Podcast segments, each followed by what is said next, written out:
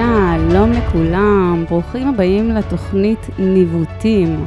התוכנית עוסקת בבחירות של מסלולי קריירה שונים, על צמתי קבלת החלטות שהובילו לבחור דרך מסוימת, על חיבור בין התשוקה למקצוע לבין אה, מיצוי היכולות האישיות, ואיך נראית הפרקטיקה במסלול הנבחר.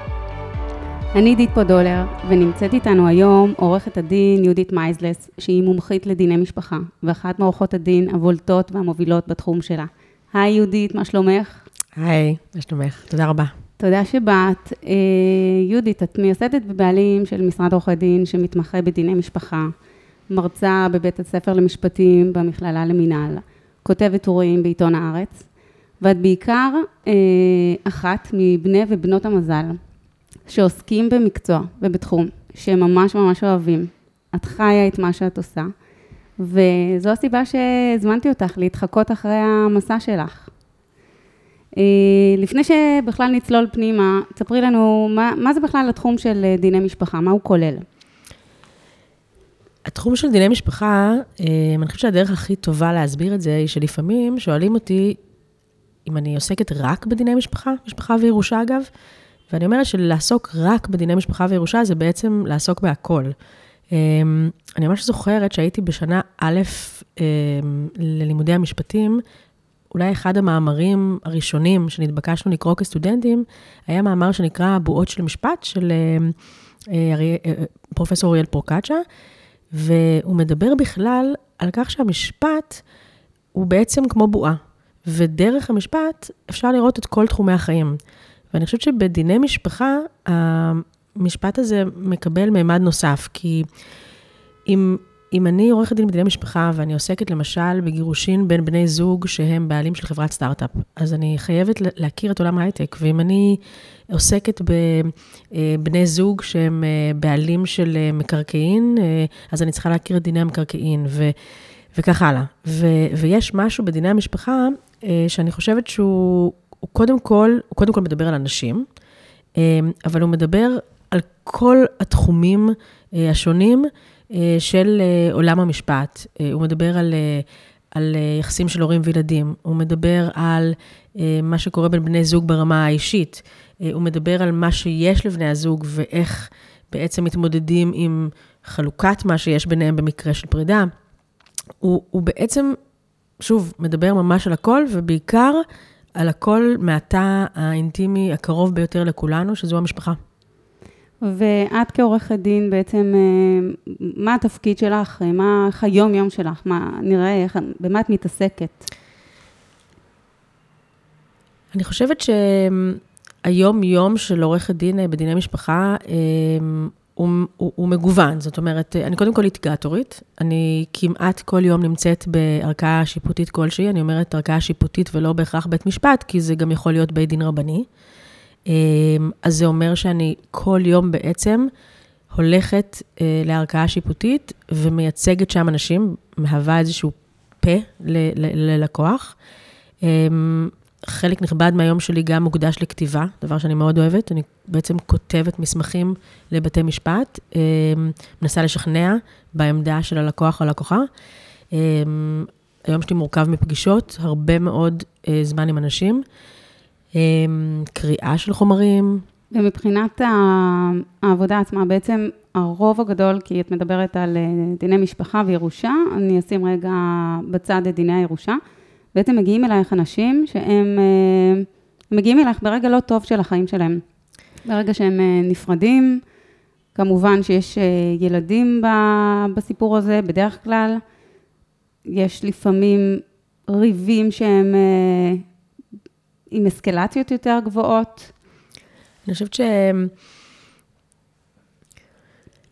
ללא ספק אנשים מגיעים אליי ברגעים באמת הכי קשים. אמ, דיני ירושה עוסקים באמת במוות, אבל גם גירושין עוסקים בסוג של מוות, מוות אה, קטן, של, אה, לא קטן, האמת, אפילו גדול, אה, של אהבה, של, אה, של, של הבטחות שנשברו, של, של איזושהי תמונה כללית שסדוקה. אה, אגב, אני גם עוסקת בהסכמי ממון, שזה שלב שבו אנשים מגיעים אליי דווקא בשלב השמח, שהם לקראת המימוש האהבה, ואז אני תמיד אומרת שצריך להיות עוד יותר רגישים לסיטואציה הזאת, ואני אולי באיזשהו מקום מפעילה איזשהו חלק אחר בראש או בלב. אבל העובדה שאנשים מגיעים אלינו כל כך רגישים, אני חושבת שהיא בעצם הופכת חלק מהעבודה שלי כעורכת דין לאיזושהי עבודת, אה, אה, אני לא יודעת לומר קודש, אבל עבודה מאוד מאוד אה, שמצריכה רגישות מסוימת, כי, כי ברגע הזה עורך דין בדיני משפחה בעצם נבחן באופן שהוא רוצה לעסוק בעבודה שלו. אני חושבת שברגע הזה, זה הרגע שבו צריך לבחור כעורך דין, כעורכת דין, איך לייצג את הלקוח. האם... אמ, למשל, אני, אני תמיד חושבת שיש איזשהו מתח מסוים בין הרצון להיות אמפתי ללקוח ולהשיג עבור הלקוח או לקוחה את מה שהם רוצים, לבין הצורך שלי כעורכת דין להביא משהו מה-23 שנים שאני עוסקת בתחום הזה, ממה שאני יודעת שאולי אה, הם עוד לא רואים, אה, כדי לוודא, למשל, שה, אה, שהמשבר לא ייכנס לאסקלציה שמאוד מאוד קל להביא אותה אליו. אני חושבת שאחד הנושאים המרכזיים ש, שצריך להיות מאוד רגישים לגביהם זה באמת נושא הילדים. אמ, בשלב הזה הלקוחות הם מאוד מאוד אמ, טיפוליים, הייתי אומרת. זאת אומרת, כשאני מילאתי את הטפסים ללימודי המשפטים, אז צריך למלא אופציה שנייה. והאמת היא שידעתי שאני רוצה משפטים, זאת אומרת, לא, אפילו לא ידעתי אם, אם אני חייבת למלא אופציה שנייה, אבל מאחר שהייתי חייבת למלא אופציה שנייה, אז מילאתי כאופציה שנייה פסיכולוגיה. ו, ו, וזה מאוד מחבר אותי למה זה דיני משפחה. כי דיני משפחה היא קודם כל לעסוק באנשים, אמ, וב, ובמשבר שהם עוברים, ו, אבל בניגוד מאוד לפסיכולוגיה, התפקיד הוא הרבה יותר אקטיבי. את לא רק שומעת את הבעיה, אלא את מנסה אה, לכוון את הספינה. ואני חושבת שבמקום הזה, באמת, אה, נבחן סוג עורכת הדין ש, ש, שאתה בוחר או בוחרת להיות. כן, אנחנו חברות, ואני מכירה את הצדדים האנושיים שלך. את אה, מאוד נדיבה ואת מאוד פתוחה ומלאה בנתינה. ואני לא מכירה את הצדדים הלוחמניים שלך. כדי, כדי להבין אותם, אני שוחחתי עם לקוחות עבר שלך, אחד הדברים שחזרו על עצמם, זה שברגע הראשון שפוגשים אותך, את מאוד מאוד עוטפת. זו מילה שחזרה על עצמה. את מאוד עוטפת, מאוד נותנת בביטחון, אה, נותנת ביטחון, אוספת אלייך ואוספת את, ה, את השבר. מצד שני, וגם זה נאמר וחזר על עצמו, שאת נלחמת כמו לביאה. וזה שני דברים שהם אה, זאת אומרת, יש ביניהם היגיון, כי כשאתה אוהב מישהו, אכפת לך ממישהו, אתה באמת נלחם עליו ברגע הצורך, אבל אצלך זה משהו שחוזר על עצמו, ואני רוצה לשאול, איך את מחברת את ה... איך הדברים האלה מתחברים אצלך ביום-יום?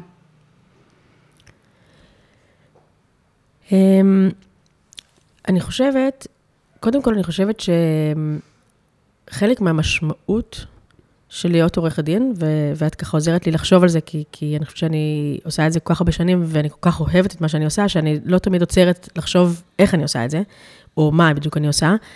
אבל אחד, אחד מהדברים בעצם ש, שזו המשמעות של עריכת דין, זה בעצם הרי לייצג מישהו אחר, ולנסות להשיג עבור אותו אדם אה, את מה שהוא מבקש. זה יכול להיות, אגב, יותר רכוש, זה יכול להיות יותר זמן עם הילדים, וזה גם יכול להיות שקט ושלווה. ו, ורוגע. ואני חושבת שאחד הדברים שאני מנסה לעשות, זה לקחת את אותו אדם או אישה אה, ברגע הזה, באמת קשה ונמוך, ולפעמים, אה, ולרוב מאוד מאוד כואב, ו, ולהחזיק להם את היד, אבל להחזיק את היד מאוד חזק. זאת אומרת, לא סתם להחזיק את היד ולבכות איתם ולהיות איתם, אלא להוביל אותם למקום הבא שאליו הם ילכו. זה, זה מתבטא ביום-יום בכך ש... בפגישת הייעוץ, כבר באינטייק הראשון, אני תמיד אשאל, מה את רוצה, או מה אתה רוצה? אמ, ו- ו- וזה מעניין, כי לפעמים כשלקוחות מגיעים אליי, אחרי שהם היו כבר בפגישות ייעוץ, אז הם אומרים, וואו, אף אחד לא שאל אותי את השאלה הזאת. ו- ובעיניי זאת השאלה הכי חשובה שאני יכולה לשאול לקוח או לקוחה, ואני גם יכולה לשאול אותה שוב ושוב, כי לפעמים התשובה תשתנה. ומבחינתי, המטרה היא גם לתת את המעטפת, כמו שאמרת, אמ, את האוזן הקשבת, אבל בעיקר גם את, ה- את, ה- את, ה, את, ה, את הפה, לא רק את האוזן, זאת אומרת, את, ה, את, ה, את הקול שיכול להוביל אותם את הדרך הזאת, אבל גם אה, להקשיב מאוד למה הם רוצים ולנסות להשיג את זה עבורם. כי אני חושבת שחלק ממסע הפרידה או הגירושין, זה בעצם, אה, אה, אה, איך אני אומר, איזשהו אובדן של כוח, איזשהו אובדן של ביטחון. ו, וכשאתה משיג את מה שאתה רוצה, ושאתה מגיע לדרך אה, חדשה, שבעצם אתה יודע שהצלחת בה, זה, זה בעצם מעביר אותם למקום הבא. ו, ו, וזה חלק ממה שאנחנו עושים בעצם. וזה נשמע שמרבית האהבה שלך, הסיפוק שלך מהמקצוע, ההתרגשות שלך, היא מגיעה מהמקום הזה, שאת בעצם מצליחה לבטא את הרצונות של מישהו אחר, ולהביא אותם לדרך חדשה. אבל מה קורה כשאת לא מצליחה? אמ, קודם כל, אני משתדלת להצליח. אמ, אני, אני, אני, אני חושבת שאני בן אדם שלא, לא רק שלא אוהב להפסיד, בוא נגיד את זה כך, אבל אני, אמ, משהו בי בנוי באופן כזה שאני אני אולי אשנה מסלול, אבל אני, אני אשיג את, ה, את המטרה. זאת אומרת, אה, אני, אני אגיע עד לבית המשפט העליון אם צריך, אני אה, אמצא פתרון אחר אולי, אני אחשוב על, על משהו אחר לבקש, אני, אני, אני אמצא איזושהי דרך, בסופו של דבר, אני, ככה אני לפחות אה, מקווה ומנסה, על מנת להשיג משהו טוב עבור הלקוח שמגיע אליי, ואני חושבת שאחד הדברים ש, שאני כן גאה בהם, זה שיצא לי איזשהו שם של עורכת דין שלוקחת מקרים אבודים, ו, ו, ומצליחה בהם, או נלחמת בהם. אמ, והרבה פעמים באמת מגיעים אליי אחרי שנגיד הפסידו בערכאה ראשונה, אה, או משהו לא הצליח. אמ, יש לך מקרים כאלה שהגעת איתם עד לבית משפט עליון, ש, ששינו, שהם יצאו מהמקרה של הפרט והפכו למקרה של הכלל, ש, ששאר האוכלוסייה נהנית מהם? כן, לשמחתי יש לי כמה כאלה. יש אה, משהו במיוחד, ככה, איזה דוגמה? אמ, אני חושבת שאחד התיקים שהגיעו לבית המשפט העליון, לבג"ץ, וגם בהרכב מורחב של שבעה שופטים, ש, שאני ככה מאוד גאה בהם, זה, אמ, זה מקרה שבו אמ, בית המשפט העליון בעצם הכיר לראשונה באפשרות שלילד אה, יהיו שני אבות אה, באופן אה, שווה ומלא. אמ, מתוך אותו פסק דין אה, נלמד, זאת אומרת, נוצר בעצם כלי חדש, משפטי חדש, שנקרא צו הורות פסיקתי, שהיום בתי המשפט אה, משתמשים בו אה, בכל ערכאות השיפוט. זה אמ, מקרה ש... אמ, פסק דין שיצא בשנת 2014, שגם לומדים אותו ואני מלמדת אותו, וככה מאוד גאה להיות חלק ממנו. והוא לא עוסק, זאת אומרת, הוא גם היה הישג עבור הקהילה הלהט"בית, אבל גם עבור הקהילה בכלל, משום שהוא בעצם מאפשר אה, הסתכלות אחרת אה, על הורות, ומאפשר להרבה אנשים שקודם לכן לא הוגדרו כהורים, להיות מוגדרים כהורים. זה באמת מקרה שאני מאוד גאה בו. אז מה זה אומר? זה אומר שאנשים בעצם עוברים הליכי פונדקאות, ואז כשהם רוצים להירשם בארץ, פעם הם לא יכלו והיום הם יכולים? כן, זה בעצם אומר, זה אומר כמה דברים, אבל אחד הדברים שזה אומר, אה, הוא שאדם שמגדל ילד, שנולד למשל בפונדקאות, אבל לא רק, אה, שאין לו אולי את המטען הגנטי של הילד, כמו למשל אישה שנדרשה לתרומת ביצית, כמו למשל זוג להט"בים, שכמובן רק לאחד מהם יש קשר גנטי לילד. בעקבות אותו פסק דין, כל האנשים האלה מוגדרים כהורים באופן מלא, נרשמים כהורים באופן מלא, ואין בעצם אה, אפליה בינם לבין אה, ההורה האחר שהוא בעל המטען הגנטי, או אגב, לפעמים גם אין הורה אחר, לפעמים זו הורות יחידנית. אמ, אם אמרתי קודם שדיני משפחה זה הבסיס של הכל, אז, אז הורות, וזה ודאי ההתחלה של הכל, ו, וזה מרגש אותי להיות חלק מה, מהתהליך הזה. אז אה, בעצם איך את, אה, אם אנחנו הולכים אחורה, אם אני אשאל אותך, כשהייתי ילדה, מה חלמת להיות? את יודעת אה, לראות את התשובה? לגמרי, אני חושבת שמגיל שבע בערך, ניסיתי ככה להיזכר לקראת הבוקר. אה, אני יודעת שאני רוצה להיות עורכת דין, אני יודעת שזה נשמע נורא מוזר, שילדה בת שבע רוצה להיות עורכת דין. הייתי ילדה שתמיד אהבה מאוד לדבר, וגם אהבה לדבר בשם ילדים אחרים. ומרגע שגיליתי שיש מקצוע כזה שמשלמים לך על זה, ו, ובעצם אתה יכול להתפרנס מעצם ה, אמ, היכולת לשכנע, אמ, זה משהו ש, שמאוד רציתי אותו. הרבה לפני שידעתי בכלל איזה תחומי משפט יש ומה בדיוק עושים, אמ, זה משהו ש, שידעתי ש, שאני ארצה לעשות, וגם אה, עוד דבר שככה, תמיד מגיל צעיר רציתי להיות עורכת דין שכותבת רב-מכר. אז אני חושבת שהיום, בהסתכלות טיפה יותר בוגרת, אני עדיין רוצה להיות עורכת דין, ואני עדיין אה, מאוד אוהבת לכתוב, ועדיין אני גם אכתוב ספר, אבל לא בטוחה שחשוב לי שהוא יהיה רב-מכר.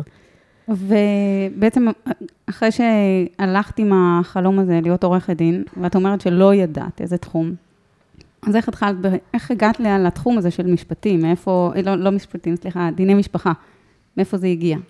התחלת ללמוד באוניברסיטת אה, תל אביב. אז התחלתי ללמוד באוניברסיטת תל אביב. בשנה הראשונה אה, מאוד נמשכתי אה, למשפט פלילי, שאגב, היום אני מכירה הרבה מאוד עורכי דין בדיני משפחה שמספרים שהם קודם, התשוקה הראשונה שלהם הייתה משפט פלילי, שזה מאוד מעניין, אני חושבת.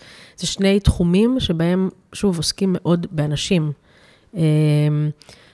ו, ואז בשנה ב' נחשפתי למקצוע הזה שנקרא דיני משפחה. אני לא יודעת להגיד בוודאות מה גרם אה, למשיכה הזאת, אבל אני, אני מיד ידעתי שזה משהו שמעניין אותי. אה, ואני זוכרת שכסטודנטית, בזמנו, כשלמדתי אה, משפטים, אז דיני משפחה נחשב, אה, נחשב תחום אה, פחות אטרקטיבי.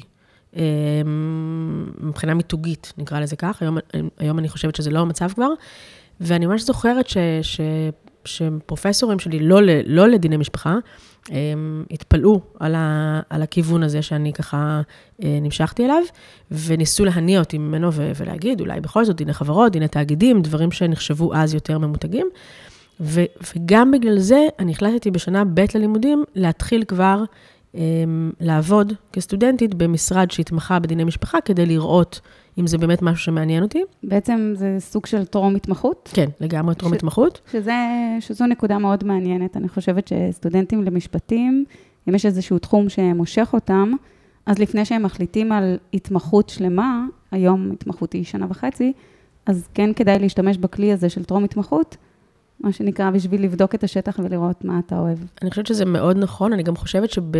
אני יכולה להעיד על דיני משפחה, אולי גם נושאים אחרים, אבל אני חושבת שמהר מאוד, כשאתה ניגש ורואה איך... אמ, יש, יש הרי אה, law in the books and law in action, אז ברגע שאתה רואה את המשפט בפעולה, מאוד קל לדעת אם זה מתאים לך או לא, הרבה יותר מאשר כשאתה לומד אותו בא, באוניברסיטה. אני למשל, אני מלמדת היום במכלל המינהל, אבל בגלל שאני עורכת דין אה, מהפרקטיקה, אז הסטודנטים חווים, אני חושבת, משהו שיש בו הרבה מאוד פרקטיקה, אבל, אבל אפילו שם, זה מאוד שונה ללמוד באופן אקדמי תחום, לבין לראות אותו. אני חושבת שממש אם, אם, אני, בקיץ האחרון, אה, יש לי חברים ש, שפגשתי אותם אה, כשעבדתי בשוויץ, והבת שלהם, שאני זוכרת אותה עוד אה, בתור אה, תינוקת, עכשיו חגיגה 18, והם יצרו איתי קשר וסיפרו שהיא חושבת ללמוד משפטים, הם גרים בגרמניה, ושאלו אם במקרה, במקרה אני מוכנה שהיא תבוא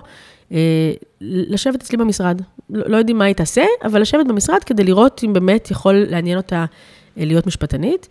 אמ, היא הגיעה, וככה ביום הראשון סיכמנו שהיא תהיה אצלי תקופה מסוימת, ואמרתי לה, תראי, זה, אם אחרי יום או יומיים תרגישי שאת ממש לא רוצה להיות משפטנית, אז אל תרגישי שאת חייבת להישאר ולהגיע כל הקיץ. זה היה ככה בקיץ.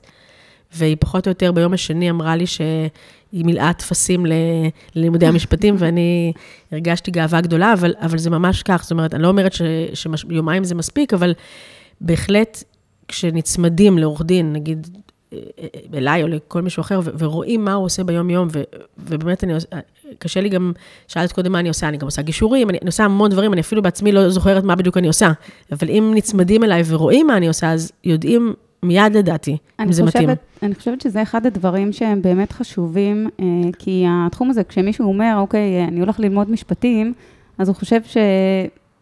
שזה משהו שהוא צר, אבל בעצם זה עולם כל כך רחב, ויש כאן כל כך הרבה תחומים עם אה, מקרקעין ודיני משפחה ומיסוי ודיני נזיקין ומשפט פלילי ועוד ועוד. ויש לכל תחום תתי תחומים, ולכל תת תחום עוד, זה כמו בבושקות כאלה, שהן רק הולכות ומסתעפות, ובאמת כדי שמישהו יהיה, את למשל ממש נפלת במשבצת, שאת אומרת, אוקיי, אה, זו אני, זה, זה מה שמשלב את האהבה שלי, וגם התעסקות עם אנשים, בעצם דיני משפחה כדיני נפשות. ובניגוד למשל לרפואה, שבזמן הלימודים עושים רוטציה בין המחלקות ומצליחים לטעום, אין את הכלי המקביל בלימודי משפטים. ומה שאת אומרת, יש את הפרקטיקה ויש את התיאוריה, וכרגע לימודי משפטים בנויים בצורה כזו של תיאוריה, ולכן הכלי הזה של הטרום התמחות, או היכולת ללכת וככה להכיר ולשבת באמת עם עורכי דין, אני חושבת שזו זכות גדולה. וזה יכול מאוד מאוד לעזור בהמשך של הבחירה של הקריירה והבחירה של התחום.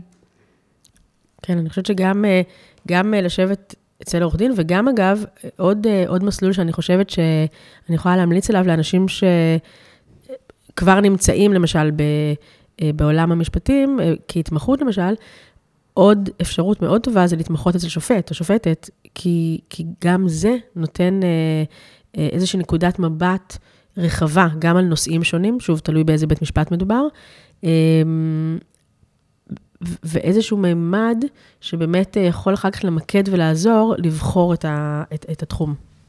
זה מעניין. יש גם היום אה, תואר אה, דו-חוגי אה, שמשלב עבודה סוציאלית עם משפטים, מה, ש, מה שלא היה פעם, וזה משהו שמתחבר, זה משהו, זה עולמות שהם מתחברים.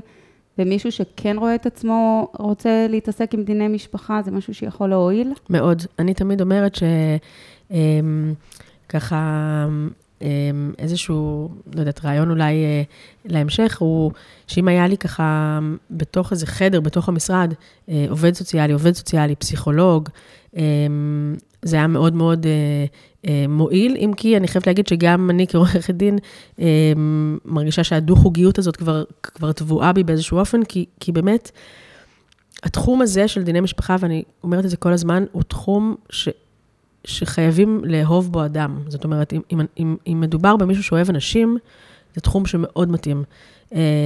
וחלק מהעבודה עם אנשים במקום הקשה הזה, הוא, הוא באמת גם עבודה טיפולית. אני לא חושבת שאפשר להיות עורך דין או עורכת דין טובים בדיני משפחה, אה, מבלי שיש איזושהי מעטפת של רגישות, שגם כאן צריך כמובן טיפה להיזהר עם זה, כי, כי אני כן חושבת שגם חייב להיות איזשהו מרחק. אני לא יושבת עם לקוחות ו... ובהכרח אה, אה, ממש אה, ככה בוכה איתם וככה הלאה, אני לא החברה.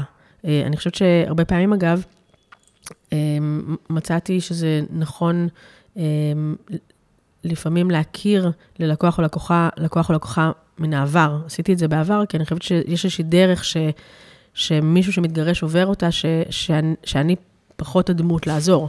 אבל אה, אני כן חושבת ש, שבשילוב הזה, שמצד אחד רגישות ומצד שני נחישות, נקרא לזה כך, אה, למה שבעצם מבקשים ממני להשיג, זאת, ה, זאת המעטפת המקסימלית שאני יכולה לספק, וגם משהו שהוא מאוד מאוד אישי. שוב, אנחנו חוזרים לעניין של אנשים. אני לא חושבת שאפשר להיות עורכת דין, עורך דין טובה בדיני משפחה, אם אני אתן לכולם בדיוק את אותו אה, מענה, או את אותו טיפול, כי צריך להיות מאוד מאוד רגיש למי נמצא בפניך ומה חשוב לו מתוך כל הדברים.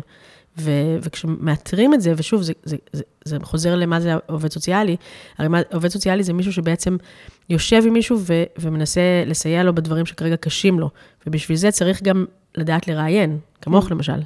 תודה. אה, אני רוצה שנייה להחזיר אותך לטרום התמחות. בעצם בשנה שנייה אמרת שזה מעניין אותך, הלכת לטרום התמחות, ואז מה? קודם כל, מיד ראיתי שזה מעניין אותי. ו, ובעצם המשכתי, זאת אומרת, ליוויתי את, אה, את לימודי המשפטים, מבלי לפגוע כמובן בלימודי המשפטים, ליוויתי אותם בעבודה פרקטית, באופן, לא כל יום ולא במקום הלימודים, אני חושבת שזה מאוד חשוב ללכת ללימודים, אה, בעיניי לפחות. ולאחר מכן, אחרי טרום התמחות, הטרום התמחות הזו הופכת להתמחות, ואני עוברת את מבחני הלשכה. ואז האמת, חצי שנה בערך אחרי שאני עורכת דין בדיני משפחה, נקרתה לדרכי הזדמנות שנראית לי משהו שלא, אי אפשר לפספס אותו, אמ, וקיבלתי איזושהי הצעה להיות יועצת משפטית, סוג של יועצת משפטית בבית דין בינלאומי שהוקם בשוויץ, ביחס לנושא לגמרי אחר, ביחס לחשבונות הבנק הרדומים שנמצאו בשוויץ. ואני נוסעת בעצם לשוויץ, ל... אבל... בעצם, בעצם את עוברת לתחום, בואי רק נקרא לו ככה בכותרת, איזשהו תחום מסחרי-אזרחי נגיד. האמת שזה לא היה תחום מסחרי-אזרחי, זה מעניין, כי כשנסעתי לשם לא ידעתי מה זה יהיה. ומה שהיה נורא, מה שהיה מעניין, אה, זה שבסופו של דבר, דווקא בשנתיים האלה שעבדתי שם, עשיתי משהו שיש לו אה, חיבור אה, למה שאני עושה היום, לדיני משפחה. כי, כי מה, מה שעשיתי שם, אני אנסה רגע להסביר איפה המאפיינים הדומים. עסקתי שם בעצם במשפחות, משום ש... מה שקרה הוא שחשבונות הבנקים הרדומים, הכוונה היא חשבונות בנקים שלא נגעו בהם מאז 9 במאי 1945, סוף מלחמת העולם השנייה. אה, אני עסקתי בתיקים שהיו משויכים ליהודים, אה, חלקם מישראל, חלקם ממקומות אחרים, ואז בעצם מישהו קורא בעיתון אה, ורואה שם של בעל חשבון בנק, ומאתר שדובר נגיד בסבא רבא שלו או משהו כזה.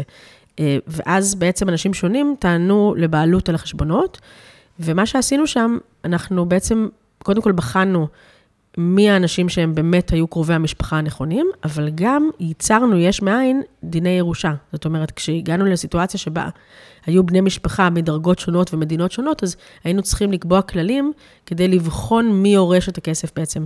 אז uh, הייתה שם הרבה מאוד עבודה של בניית חוק ירושה מיוחד בעצם לאותו בית דין, אה, אז זה הרבה דברים שאחר כך... אה, התחברו לך. כן, נכון. לא ידעתי את זה. בזמן שהלכתי לשם, לא היה לי מושג שזה יהיה איזה קשר. אז אני, אני אקח את אה, שווייץ שנייה, ואני אשים את זה ככה בסוגריים, כי זה נראה לי סוג של חוויה, הרפתקה, הזדמנות, שכל אחד היה קופץ עליה, זה לחיות בארץ אחרת, לעבוד בה, תרבות אחרת. אני אשים את זה שנייה בסוגריים. אחרי זה בעצם רצית להמשיך את התחום של, ה... תחום של המשפחה, אבל היה לך ככה איזו אפיזודה קצרה. אז מה שקרה אחר. זה ככה, זאת אומרת, באמת שווייץ לא הייתה דיני משפחה. אני יכולה היום ברטרוספקטיבה להגיד שהיה משהו שחיבר אותי לזה, אבל, אבל שווייץ, את צודקת לחלוטין, היה משהו אחר. הייתה הזדמנות שלא אומרים לה לא, בטח לא בגיל ה-20 ו... אמ, וזה היה משהו שהיה אמור להיות איזושהי פאוזה מהחיים. וכשסיימתי את הפאוזה הזאת וחזרתי לישראל, אז החלטתי להשתמש בזום אאוט הזה כדי לבדוק מחדש אם בעצם אני רוצה לעשות דיני משפחה. לא בהכרח כי פקפקתי בזה כמו שפקפקתי בהכל. זאת אומרת, זו הייתה פתאום הזדמנות להסתכל על החיים. אמ, כי, כי אני לא, זאת אומרת, לא, לא אמרתי את זה קודם, אבל אמ, אני כל כך ידעתי שאני רוצה לעסוק במשפטים, שמיד אה, כשהשתחררתי מצה"ל, אני השתחררתי בחודש ספטמבר והתחלתי ללמוד באוקטובר. כן, לא, לא נסעתי לעולם, לא... כן, אז בשביל זה היה טיול אחרי צבא בדיוק. בעצם. אז, אז הרגשתי ש, ש, שבעצם אני עושה רגע את, ה, את, ה, את הפוס הזה שלא עשיתי קודם, כי, כי הרגשתי שחייבים אה, מהר להיות עורך הדין, וכל מיני דברים שבגיל... אה, היום הייתי אולי מסתכלת על זה אחרת. אבל אז, אז הייתה מין פאוזה, ואז חזרתי לישראל ואמרתי, רגע, בוא נבדוק, בוא נבדוק, אולי באמת, כמו שאמרו אותם פרופסורים, אולי בכלל מתאים לי משהו אחר. ו... והייתה לי הזכות וה... הגדולה, כי, כי אחרי שהיה לי בקורות החיים את, אותו, את אותם שנתיים אה, בתור אה, יועצת משפטית בבית דין בינלאומי, שעסק בבוררות בינלאומית וכל מיני ככה דברים שבאמת היו מאוד מרשימים ונשמעו גם מרשימים, אז, אז פשוט אה, דילגתי לי בין משרדי עורכי הדין הכי גדולים בישראל, שעסקו בדין אזרחי מסחרי, ופשוט הייתי צריכה לבחור ביניהם. וכך היה. ואיך זה היה? אמ, בעצם החלטת שאת עושה פאוזה על, ה... על דיני משפחה ועוברת לתחום של אזרחי מסחרי. אז אני... ואת גם היית סטודנטית אה, מצטיינת, הצטיינות יתרה בתואר ראשון, בתואר שני, בדרך כלל סטודנטים מהסוג שלך, אה, כן, יכולים לבחור אה, כל משרד וכל תחום. אז אני אענה לך... וזה בעצם מה שעשית. כן, אז אני אענה לך בסיפור. אימא שלי, זכרה לברכה, כש... כשהיא הייתה, אימא שלי נולדה בארצות הברית, ונורא נורא רצתה לעלות לישראל. ואבא שלה, סבא שלי, שהיה מאוד עצוב מהרעיון שהיא תגור כל כך רחוק, ביקש ממנה, אחרי שהיא כבר הייתה בישראל ואהבה את ישראל והתאהבה בישראל, ביקש ממנה לחזור לארה"ב ולתת לזה עוד הזדמנות. הוא ביקש ממנה לחזור לשנה. ואימא שלי תמיד סיפרה שזו הייתה השנה הארוכה ביותר בחייה. אז אני אומר לך בפרפרזה על זה, שהחודש וחצי שבו עבדתי במשרד מאוד מוביל בתחום אזרחי מסחרי, היה החודש וחצי הארוך בחיי. הבנתי. אני חייבת להגיד שבנקודה הזו יש משהו אה, מאוד רומנטי ואמיץ ללכת אחרי התשוקה שלך, אחרי מקצוע מסוים. ומצד שני, יש משהו מאוד יפה דווקא לעצור, ומתוך החלטה מודעת, לבוא ולהגיד, רגע, אני רוצה לבחור, לבחון תחום אחר, ולעשות איזושהי פעולה אקטיבית, ממש ללכת ולעבוד במקום אחר, ויכולים לקרות אחד משניים. או שפתאום את מגלה, וואו, אני אוהבת תחום אחר, והנה נפתחות בפנייך עוד אפשרויות, וזה כיף גדול. או מהצד השני, את מגלה שאת לא אוהבת את זה. ולדעת מה אתה לא אוהב, זה לא פחות חשוב מלדעת מה אתה אוהב. ואני חושבת שדווקא הצעד הזה, הבחינה שלך, העצירה והאקטיביות של הפעולה, זה בעיניי מעורר השראה לבחירה של דרך. ובין היתר, הדרך הזו שהובילה אותך למסלול שאת כל כך כל כך אוהבת. את ממש בחנת את זה. ואני כן ממליצה ממש ללכת ולהרטיב את הרגליים בכל מיני מקומות אחרים, בשביל לראות מה מתאים לנו ו- ומה פחות. אני חושבת שהרבה פעמים בחיים, אמ, אנחנו בוחר, בוחרים במשהו, או בוחרים במרכאות, ולא יודעים בעצם למה הגענו אליו, או, או לפעמים אנחנו לא ממש בוחרים במשהו. זה נקרא שאני... מתגלגלים. זורמים, משהו שאני פחות טובה בו. כן. אז, אז אני חושבת שמה שאני עשיתי בדיעבד, אני מסתכלת על זה, הוא שבעצם רציתי לוודא שבאמת בחרתי. כי, כי שאלת אותי גם קודם למה הלכתי לידי המשפחה, ו, וסיפרתי סיפור שאהבתי מאוד את, ה, את המקצוע, ו, זאת אומרת, את המקצוע בבית ספר, וזה הכל נכון, אבל, אבל אם אתה לא יודע מה עוד יש, אתה יכול תמיד לחיות באיזושהי החמצה של אם רק הייתי מקשיבה לפרופסור והולכת לדיני תאגידים, אז היה קורה כך ואחרת. ומה שאני בעצם עשיתי, והייתה לי, לי הזכות לעשות את זה, לא תמיד עושים את זה, זה, זה בעצם להגיד, רגע, בוא נבדוק רגע את העולם המקביל הזה, שלא בחרתי בו, ונראה איך הוא נראה. ומה שראיתי בעצם, זה ראיתי את כל, את כל מה שאני אינטואיטיבית הרגשתי, אבל, אבל עכשיו בדקתי את זה ממש על רטוב. זאת אומרת, ראיתי שבעצם, מה, מה, מה היה לי לא טוב בחודש וחצי האלה בעצם? כי סך הכל, עסקתי בנושאים מאוד מעניינים, אני זוכרת שאחד הלקוחות הגדולים היה מייקרוסופט, ו- ו- ועבדתי אה, על, על חוזים מאוד מאוד חשובים והכול, אבל מה שבגדול הרגשתי הוא שבעצם אני באה לעבודה ואני עוזרת לאנשים עם כסף לעשות עוד כסף, זה מה שהרגשתי שאני עושה. ולא היה לזה את ה drive, לא היה לזה את המפגש עם אנשים, הייתי רוב היום מול מסך, מול תאגידים. עכשיו, זה דברים שהם, להרבה אנשים זה מאוד מאוד מתאים. יש הרבה אנשים שלא רוצים כל היום לעבוד עם אנשים, לשמוע אנשים, שאין להם כוח לשמוע אנשים. זה מאוד לא אני. בעצם, בעצם, אם אני מבינה נכון, את מצאת את היתרון היחסי שלך, שאת אומרת, אה, את הכלים המשפטיים אני יודעת, אה, זאת אומרת, אני יודעת לאגור וללמוד אותם, אבל היתרון היחסי שלי הוא עם אנשים. נכון, ו... אני, גם, אני גם חושבת שאחד הדברים שכל הזמן חזרו, אני אה, דוברת אנגלית מבית, ובעצם יש לי שתי שפות, זאת אומרת, יש לי אנגלית כשפת אם, ו, ו, וחשבתי, זאת אומרת, חשבתי ש... מה זה חשבתי? בתחום של אזרחים מסחרי זה משהו שהוא מאוד מאוד אה, נדרש, נחוץ, נחוץ כן, כן ו, ואטרקטיבי. ו, ומה שגיליתי הוא ש, שכשיש לך יתרון במשהו, אתה יכול להשתמש בו בכל מקום. ו, ולמשל, בתחום של דיני משפחה, אז אני, אני אה, בעצם עוסקת בהרבה מאוד תיקים שהם בינלאומיים. יש לי הרבה מאוד לקוחות שהם או לא חיים בישראל, או הגיעו לכאן בגלל שהם התחתנו עם מישהו ישראלי, אבל הם לא מכאן, או אה, תיקים שהם עוסקים בחטיפות ילדים, שזה תיקים גם כן מאוד בינלאומיים, שהורה אחד בעצם לוקח בלי רשות את הילד למדינה אחרת. אה, יש לי הרבה מאוד אה, תיקים כאלה, תיקים שבהם יש רכוש בחו"ל, ו- ואז האנגלית שפת אם באה לידי ביטוי, רק שאני עושה משהו שאני מאוד אוהבת, ו- כן. ו- וזה הרבה יותר אה, הגיוני. אגב, אה, כמה קרבה את חושבת שהייתה להחלטה שלך ללכת במסלול של אה, להיות עורכת דין, לבין המקום שהגעת ממנו? ההורים שלך, שניהם עלו מארצות הברית, שניהם עיתונאים. למעשה הם הכירו על אה, מדרגות הג'רוזלם פוסט, וכמה קרבה את חושבת הייתה לבית שגדלת בו, לבין ההחלטה שבסופו של דבר התקבלה החלטה מקצועית? אני חושבת ש... קודם כל, אני חושבת ש... שכולנו, אמ, כל מה שאנחנו מחליטים בעצם מתחיל מאותו בית שגדלנו בו, בהרבה מובנים. אני חושבת שהרבה ממי שאני היום, זה בגללם ובזכותם אה, של הוריי, אה, זכרם לברכה, ו- ואני חושבת שאם אני, אמ, אם אני מנסה רגע לחשוב מה שני הדברים ש- שמאוד קשורים לבית הוריי, למה שבחרתי, אה, אני גדלתי בבית של מילים. ושני ההורים שלי באמת היו עיתונאים, אבא שלי גם היה סופר, ובתחום הזה של אה, עריכת דין שאני בחרתי בו, אה, של דיני משפחה, יש הרבה מאוד כתיבה. אה, אני, יצא לי לעסוק בהרבה מאוד תיקים שהם תיקים עקרוניים, זוג שמתווכח אם לערוך ברית מילה לבן שלהם, גירושים חד-מיניים ראשונים בישראל, נושאים של האם יכולים להיות שלושה הורים לילד, הרבה מאוד נושאים שהכתיבה אה, היא מאוד משמעותית. זאת אומרת, הכתיבה כדי לשכנע שופט במשהו שהוא יצירתי, שהוא מהפכני, שהוא שונה, שהוא לא קיים אולי בספר החוקים. וזה משהו שאני חושבת שקיבלתי אותו מבית. אני חושבת שעוד דבר, אני גדלתי בבית שבו אמ, התחושה אה, היא תחושה מאוד חזקה של, אה, של חום, של אהבה, של ביטחון. ואני חושבת ש, שבזכות הבית הזה בעצם הרגשתי כבר מגיל מאוד מאוד צעיר, שאני יכולה לעשות הכל.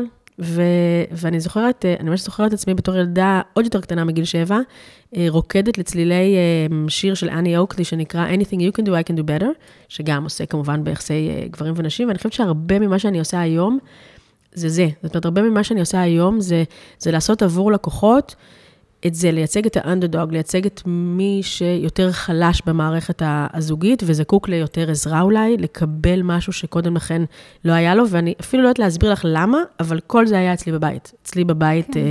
שגדלתי בו. אז בעצם anything you can do, I can do better, זה מתייחס לנשים וגברים?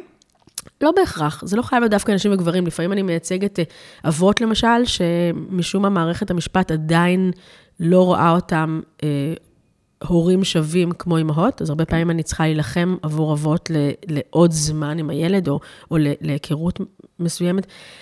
אבל, אבל כן, זאת אומרת, בהקשרים הרכושיים, לצערי ולדאבוני, הרבה פעמים זה לייצג את האישה ש, שנמצאת בנחיתות כלכלית ברמה הרכושית, זה עדיין המצב, אה, המצב בעולם. מצד שני, את מעסיקה רק עורכות דין. זה מתוך משהו עקרוני? אמ, האמת שזה לא התחיל בתור משהו עקרוני, אבל אולי זה קצת נהיה משהו עקרוני, ו... אמ, אני חושבת שאמרת קודם שאני עובדת במשרד עורכי דין, רציתי כמעט לתקן אותך משרד עורכות דין.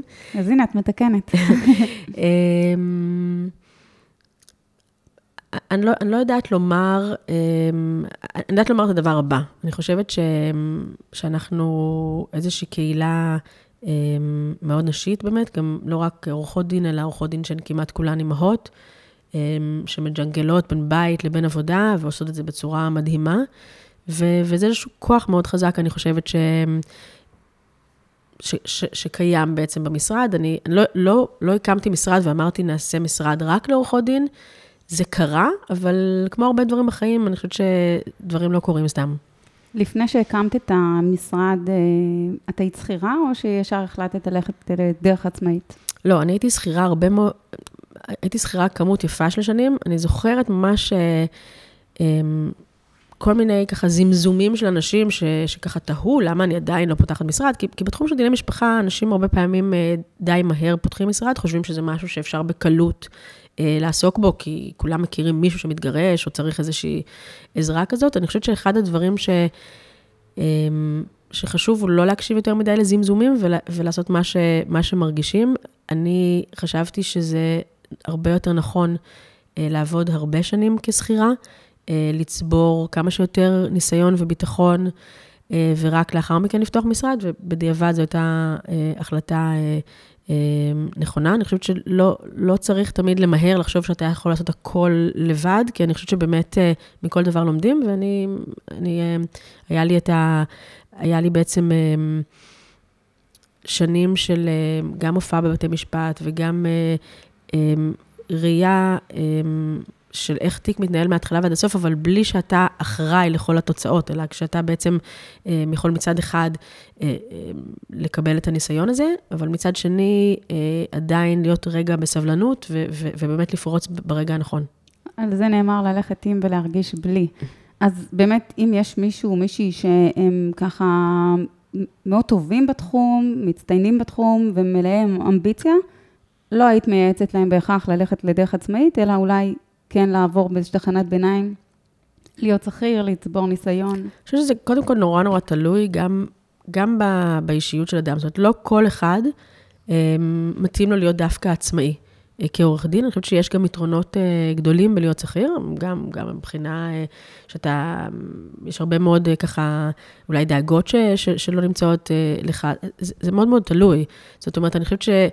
אני חושבת שזה לא משהו שאתה יכול בהכרח מראש לדעת, אם מתאים לך להיות שכיר או עצמאי או משהו כזה, אבל אני כן חושבת שכל שלב הוא, הוא חשוב, ו- ואתה לא...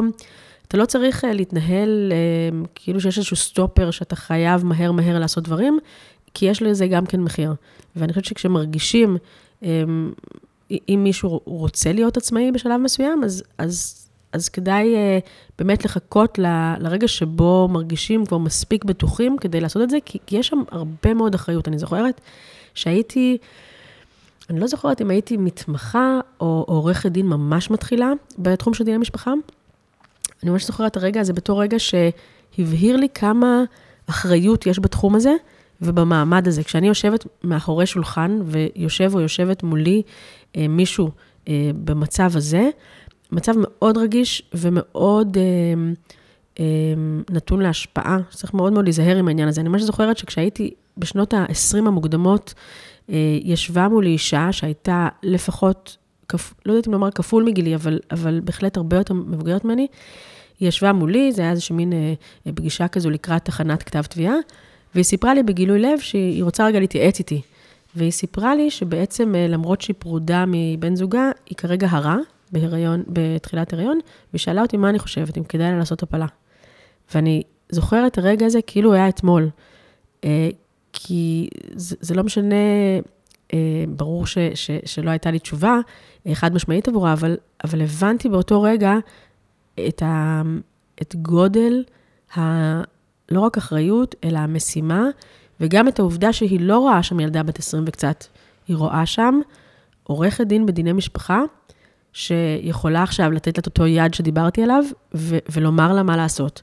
ו- ואני חושבת שצריך לחכות לרגע שבו את מאוד בשלה ובטוחה ויודעת מה לייעץ לאנשים האלה לפני שהולכים ופותחים משרד. זה, זה מעניין, אני, אני סקרנית לשמוע מה ענית לה, אבל אה, נראה לי שנשאיר את השאלה הזו ככה עם סימן שאלה. אם היית בוחרת במקצוע אחר, את יודעת, חוץ מפסיכולוגיה, באיזה מקום היית, אה, מה שנקרא, נופלת? מה היית בוחרת? אני יודעת שזה נשמע מאוד מוזר, אבל אני, אני קמה בבוקר ו, ויודעת שזה מה שאני רוצה לעשות. אני, שלשום הייתי בבית משפט, ושופטת שהופעתי בפניה אמרה, חבל שלא זכיתי בלוטו. אם הייתי זוכה בלוטו, הייתי הולכת ומגדלת פרחים. נמאס לי לשמוע כל היום אנשים אה, אה, רבים בפניי, משהו כזה. ואני אמרתי לה ממש, באותו רגע אמרתי לה, את יודעת, אמרתי לה, גברתי, אם אני הייתי זוכה בלוטו, הייתי קמה ועושה בדיוק אותו דבר. זה משפט מדהים. זה משפט מדהים. זה בעצם, אני חושבת, אה, אומר הכל. אה, וזו בעצם הסיבה שהזמנתי אותך לכאן לספר את זה. כי את פשוט, אה, שזה משפט שאמרת בריאיון לגלובס, אמרת, כשמישהו אוהב את מה שהוא עושה, ואני אוהבת את מה שאני עושה, אתה חי את זה. ואת לגמרי חיה את זה, לגמרי מתרגשת כל פעם מחדש. שווה לאנשים לעשות uh, קריירה שנייה, לשקול לעזוב משהו שהם לא אוהבים באמצע החיים, עם האחריות של uh, משפחה לפעמים, ילדים. מה את חושבת על זה? אני לגמרי חושבת שכן. אני חושבת שכשאני um, אומרת לילדים שלי, או, או לא בהכרח אומרת, אלא מנסה לשדר להם את מה שהייתי רוצה בשבילם, אני, הרי מה אנחנו רוצים סך הכל בשביל הילדים שלנו? אנחנו רוצים שהם יהיו מאושרים, שהם יהיו בריאים ומאושרים. ומה זה להיות מאושר? זה לקום בבוקר ו, ולהיות שמח. ובהקשר התעסוקתי, אני חושבת ש, שהמבחן הטוב ביותר, ושוב, זה, זה לוקסוס, לא כל אחד יכול לומר את זה, אמ, אבל אני חושבת שזה באמת הדבר הכי טוב שאתה יכול לעשות לעצמך מבחינה תעסוקתית, זה לקום בבוקר ולשמוח אל המקום שאתה הולך אליו ואת הדבר שאתה הולך לעשות.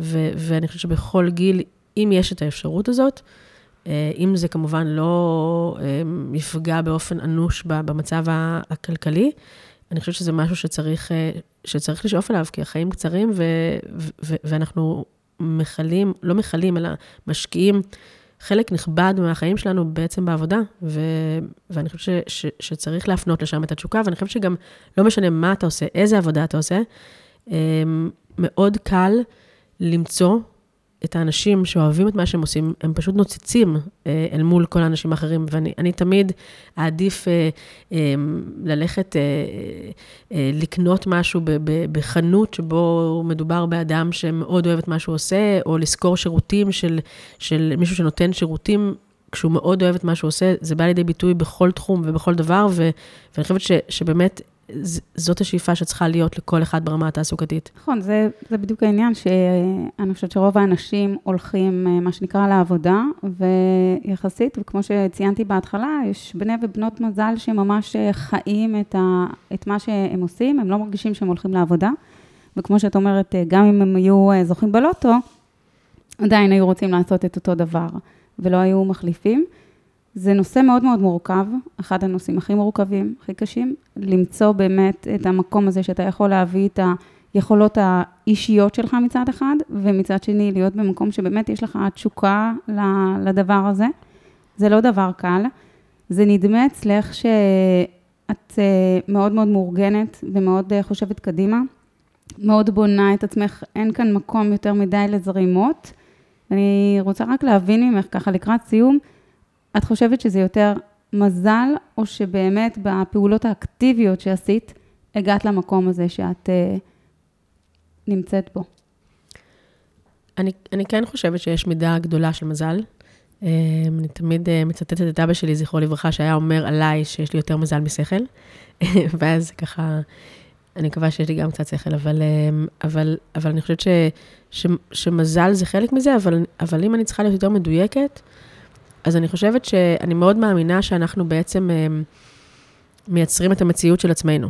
ו, ואני חושבת ש, שהרבה מהיכולת להצליח, וכשאני אומרת להצליח, זה לא בהכרח להיות מפורסם, או להיות עשיר, או, אלא להצליח במובן של לאהוב את מה שאתה עושה. אני חושבת שהרבה מזה זה באמת ללכת אה, עם הלב. עכשיו, נכון שכמובן גם הראש נמצא שם, אבל, אבל לא סתם חזרתי למה שאבא שלי אמר, כי, כי לפני שכל ולפני ראש, אתה צריך באמת ללכת עם משהו שמרגיש לך, ש, ש, שתהיה טוב בו, וגם שתאהב לעשות אותו, וזה תמיד הולך ביחד. זאת אומרת, לא, אני באמת חושבת שמרבית האנשים שהם מצליחים, הם אנשים שמאוד אוהבים את מה שהם עושים, dedicated למה שהם עושים. אני חושבת שהעובדה... אמ, אני לא, לא עשיתי, אני אפילו לא עשיתי ביזנס פלן. אני, אני, אני באמת, אה, יצאתי, אני, אני זוכרת ש, ש, שפתחתי משרד, לא ידעתי אם אני לא אצטרך לסגור אותו זמן קצר אחר כך. אז מה שעשיתי, עשיתי את הכל כזה במין צעדי תינוק. אמ, כן שכרתי מקום, כן, זאת אומרת, כן, כן, אמ, אפילו בניתי אותו וכך הלאה, אבל התחלתי, אני זוכרת, בזמן, ש, בזמן שבניתי אותו, אז ישבתי אני ו, ומזכירה, ואז עשיתי רעיונות ושכרתי עורכת דין אחת ו, ומתמחה אחת, ו, ובאמת לא ידעתי, לא ידעתי אם הדבר הזה ימשיך ויתקיים. אמ, ופשוט הלכתי, הלכתי, הלכתי עם הלב, והתחלתי לעשות את זה.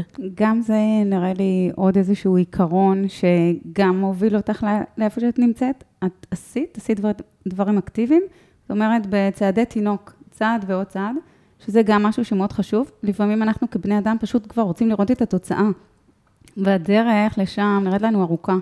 ודווקא המקום הזה של פשוט לעשות את הדברים הקטנים, הנה, לקחת מקום, לקחת עורכת דין אחת, התחלת להתגלגל, ובאמת היום את אה, אחד ממשרדי עורכות הדין ועורכי הדין הבולטים בתחום, והצלחת לבנות את זה. מה קורה אם אה, איזשהו צעד רוצה להיפרד, אבל אה, מבחינה כלכלית, נניח ש... עוד פעם, מקרה קלאסי, שטנצי, כמובן שזה יכול להיות הפוך. גבר יצא לעבוד, הוא המפרנס העיקרי, בת הזוג שלו נשארה לגדל את הילדים. נניח שבמקרה כזה רוצים להיפרד, ולה אין כסף עכשיו לנהל תהליכים משפטיים. מה האפשרויות שיש לה? אז גם זה, אגב, אה, מביא אותי לאחד הנושאים שמאוד מעסיקים אותי, שאני קוראת לו מימון ביניים. זאת אומרת, אה, יש הרבה מצבים שבהם אה, יש חוסר שוויון בין, בין שני בני הזוג, וכדי שכל אחד מהם יהיה לו את היכולת לגשת לעורך דין, עורכת דין, כמו שצריך, לבחון את הרכוש המשפחתי, אולי לקחת חוקרים פרטיים, כל, כל דבר שבעצם נדרש כדי לנהל הליך משפטי, אז הרבה פעמים אחד הצדדים בחיסרון כיס מאוד משמעותי, ו, וזה למרות שלמשל, יש רכוש משפחתי מאוד גדול. אז אני תמיד אתן את הדוגמה, כתבתי על זה פעם טור, שהתחלתי אותו ואמרתי שאפילו הילדים שלי, בני החמש, היום הם בני שמונה, יודעים שכשמשחקים מונופול, מחלקים לכולם את אותה כמות של כסף. ומה שקורה בדיני משפחה, זה שלפעמים צד אחד מתכנן את הגירושין, אולי אפילו חוסם את מקורות המחיה, וצד אחר, ששוב, הוא לרוב האישה, לא חייב להיות, מוצא את עצמו בחוסר יכולת לממן את כל מה שצריך כדי לתבוע את מה שמגיע. ואני חושבת שהמשפט הישראלי גם כאן צריך למצוא איזשהו פתרון שהוא דומה נגיד להלוואת גישור, כן? אם אני הולכת לבנק ואני אומרת לבנק, תשמעו, אני אמ-, אמורה לקבל עוד מעט עשרה מיליון שקל, תנו לי כרגע על החשבון משהו, אז זה דבר שאנחנו מכירים אותו מהעולם העסקי. אותו דבר צריך לקרות גם בדיני משפחה, זאת אומרת, לא יכול להיות שצד אחד בעת ה... פרידה, בעת הסכסוך, ישלוט על כל הממון, בעוד הצד השני צריך לתבוע את הממון הזה, ואין לו כסף לממן את ההליך שבו תובעים את הממון. ולכן אני חושבת שמה שבתי משפט צריכים לעשות, ואני מאוד מאוד גאה שיש לי, לא לי, אלא שהצלחתי לייצר כמה החלטות שיפוטיות בכיוון הזה, אני בעצם בהרבה מאוד תיקים פותחת את ההליך בבקשה לבית משפט, שבה אני מבקשת שייתנו סכום כסף על החשבון לצד החלש כלכלית, אמ, ואני גם, אמ, אני, אני גם כעורכת דין, אה, אם, אם מגיע אליי מישהו כזה שזקוק בעצם לייצוג משפטי, ברמה שאני יכולה לתת, אבל אין לו את הכסף כרגע לשלם, אבל יהיה לו אחר כך, אז אני, אני גם כמובן אה, לוקחת את זה בחשבון, כי אני לא הייתי רוצה אה, לחיות ב, ב, בסיטואציה אה, משפטית שבה רק אנשים שיש להם כרגע נגישות לכסף, מנצחים בעצם בהליך המשפטי, נקרא לזה כך, כי הם יכולים כרגע לממן את העורך דין הטוב יותר. עוד פעם, זה מוביל גם לצד הטיפולי שלך, האכפתי, כשלא מצליחים להגיע להסכם. ובעצם אה, מגיעים לבית משפט. מה לדעתך התכונות, או לא תכונות, אה, יכולות שעורך דין צריך בזירה המשפטית, שהיא סוג של אה, זירת התגוששות? אני חושבת שעורך דין צריך להיות אסטרטג טוב, במובן הזה של להיות מסוגל לנבא את הצעד הבא. זאת אומרת, כל הזמן לחשוב בעצם מה יכול לקרות, ו, ו, ולפעול מראש אמ, ב, ב, ביחס הזה. אמ, והכל, שוב, לטעמי, אה, תוך שמירת כללי משחק. צריך, צריך לוודא ש, שיש דברים שלא עושים. אני חושבת שיש דבר, קווים שלא, שלא חוצים אותם, אה, אם זה פגיעה בפרטיות, חדירה לפרטיות, דברים שבאמת אה, הם, הם לא ראויים לעשות שימוש. אני חושבת שדווקא בדיני משפחה, בגלל שמדובר בבני זוג, שבתקופה הטובה הייתה ביניהם אינטימיות ואמון, אה, ברמות שהן הרבה יותר מאשר בין בני זוג זרים, או לא בני זוג, אלא בין אנשים זרים, אז גם אנחנו כעורכי דין צריכים באמת לעמוד על המשמר ו- ולחשוב טוב טוב במה משתמשים ובמה לא. ולפעמים יש מידע שמובא אליי על ידי הלקוח, שאני יודעת שהוא גילה אותו או יודע אותו בגלל שבאמת בן או בת הזוג מאוד מאוד שמחו עם המידע הזה אה, על בן או בת הזוג ומסרו אותו לו בתקופה הטובה, אז אני חושבת שגם אנחנו כאיזשהו שהם שומרי סף צריכים להיזהר בעצם אה, עם מה אנחנו עושים שימוש ומה לא. ושאלה אחרונה לסיום, שמתחברת לזה, בעצם אה, בסקאלה הזו של עורכי דין, יש בעצם אה, את מי שמנסה ככה לפעול לפיוס, לגישור, ומהצד השני יש את מי שירצה לנצח בכל מחיר. אחד, איפה את רואה את, ה, את התפקיד של העורך דין בסקאלה הזו? שתיים, איזה תכונות את חושבת שצריכות להיות למי שרוצה לבחור בתחום הזה? אוקיי, okay, אז אני אתחיל רגע בשאלה הראשונה. אני חושבת ש... גם כשדיברנו קודם על הרצון לנצח וכך הלאה, יש משהו באופן שדיני המשפחה מסודרים בישראל, שגם על זה יש לי מה לומר, אבל שהם מסודרים באופן יותר מדי של מנצח ומנוצח, ו- ו- ו- וחשוב להבין ש- שברור לחלוטין שהדבר הכי טוב לבני זוג, כשהם נפרדים, אה, בטח לילדיהם, זה להגיע להסכם. העניין הוא שאני חושבת שאנשים לפעמים מתבלבלים וחושבים שלהגיע להסכם זה בעצם להיות פראייר ובעצם אולי לוותר על דברים, וזה לא נכון. זאת אומרת, אני חושבת שהדבר הכי נכון עבור בני זוג זה לנסות להגיע להסכם, אבל מעמדה שווה. וזה, וזה העניין, וזה אני חושבת מה שאני מנסה לעשות. כי הרבה פעמים מגיעים לשולחן בני זוג שאחד מהם בעצם יושב גבוה ואחד נמוך, כן? זה, זה איזשהו אה, אה, משפט שאני מאוד אוהבת לצטט אותו מפסק דין, שמצטט את הרמב"ם בעצם, שאומר, לא יהיה אחד יושב ואחד עומד, זה בדיוק זה. בהרבה מאוד מקרים, אחד מבני הזוג עומד ואחד יושב. והתפקיד שלנו כעורכי דין, בין אם זה באמצעות בקשות שמגישים לבית משפט, בין אם זה באמצעות ידע שאנחנו משיגים ללקוחות, כל דבר אחר, זה בעצם להושיב אותם יחד. זאת אומרת, אם, אם אני מייצגת את הצד שכרגע הוא היושב ולא העומד, אני אעשה הכל כדי שהוא יעמוד. אבל אחרי שהוא יעמוד, אני לא סתם אקח אותו לאיזו מלחמה מיותרת, אה, כי אני, כי אני אנסה להגיע בעצם להסכם. ו, ו, ואולי זה גם מביא אותי ל, ל, לשאלה השנייה. זאת אומרת, אם אני חושבת רגע על מה התכונות ש... ש, שיכולות אה, לייצר עורך דין או עורך דין טובים בדיני משפחה, אני חושבת שצריך להיות איזשהו שילוב של מצד אחד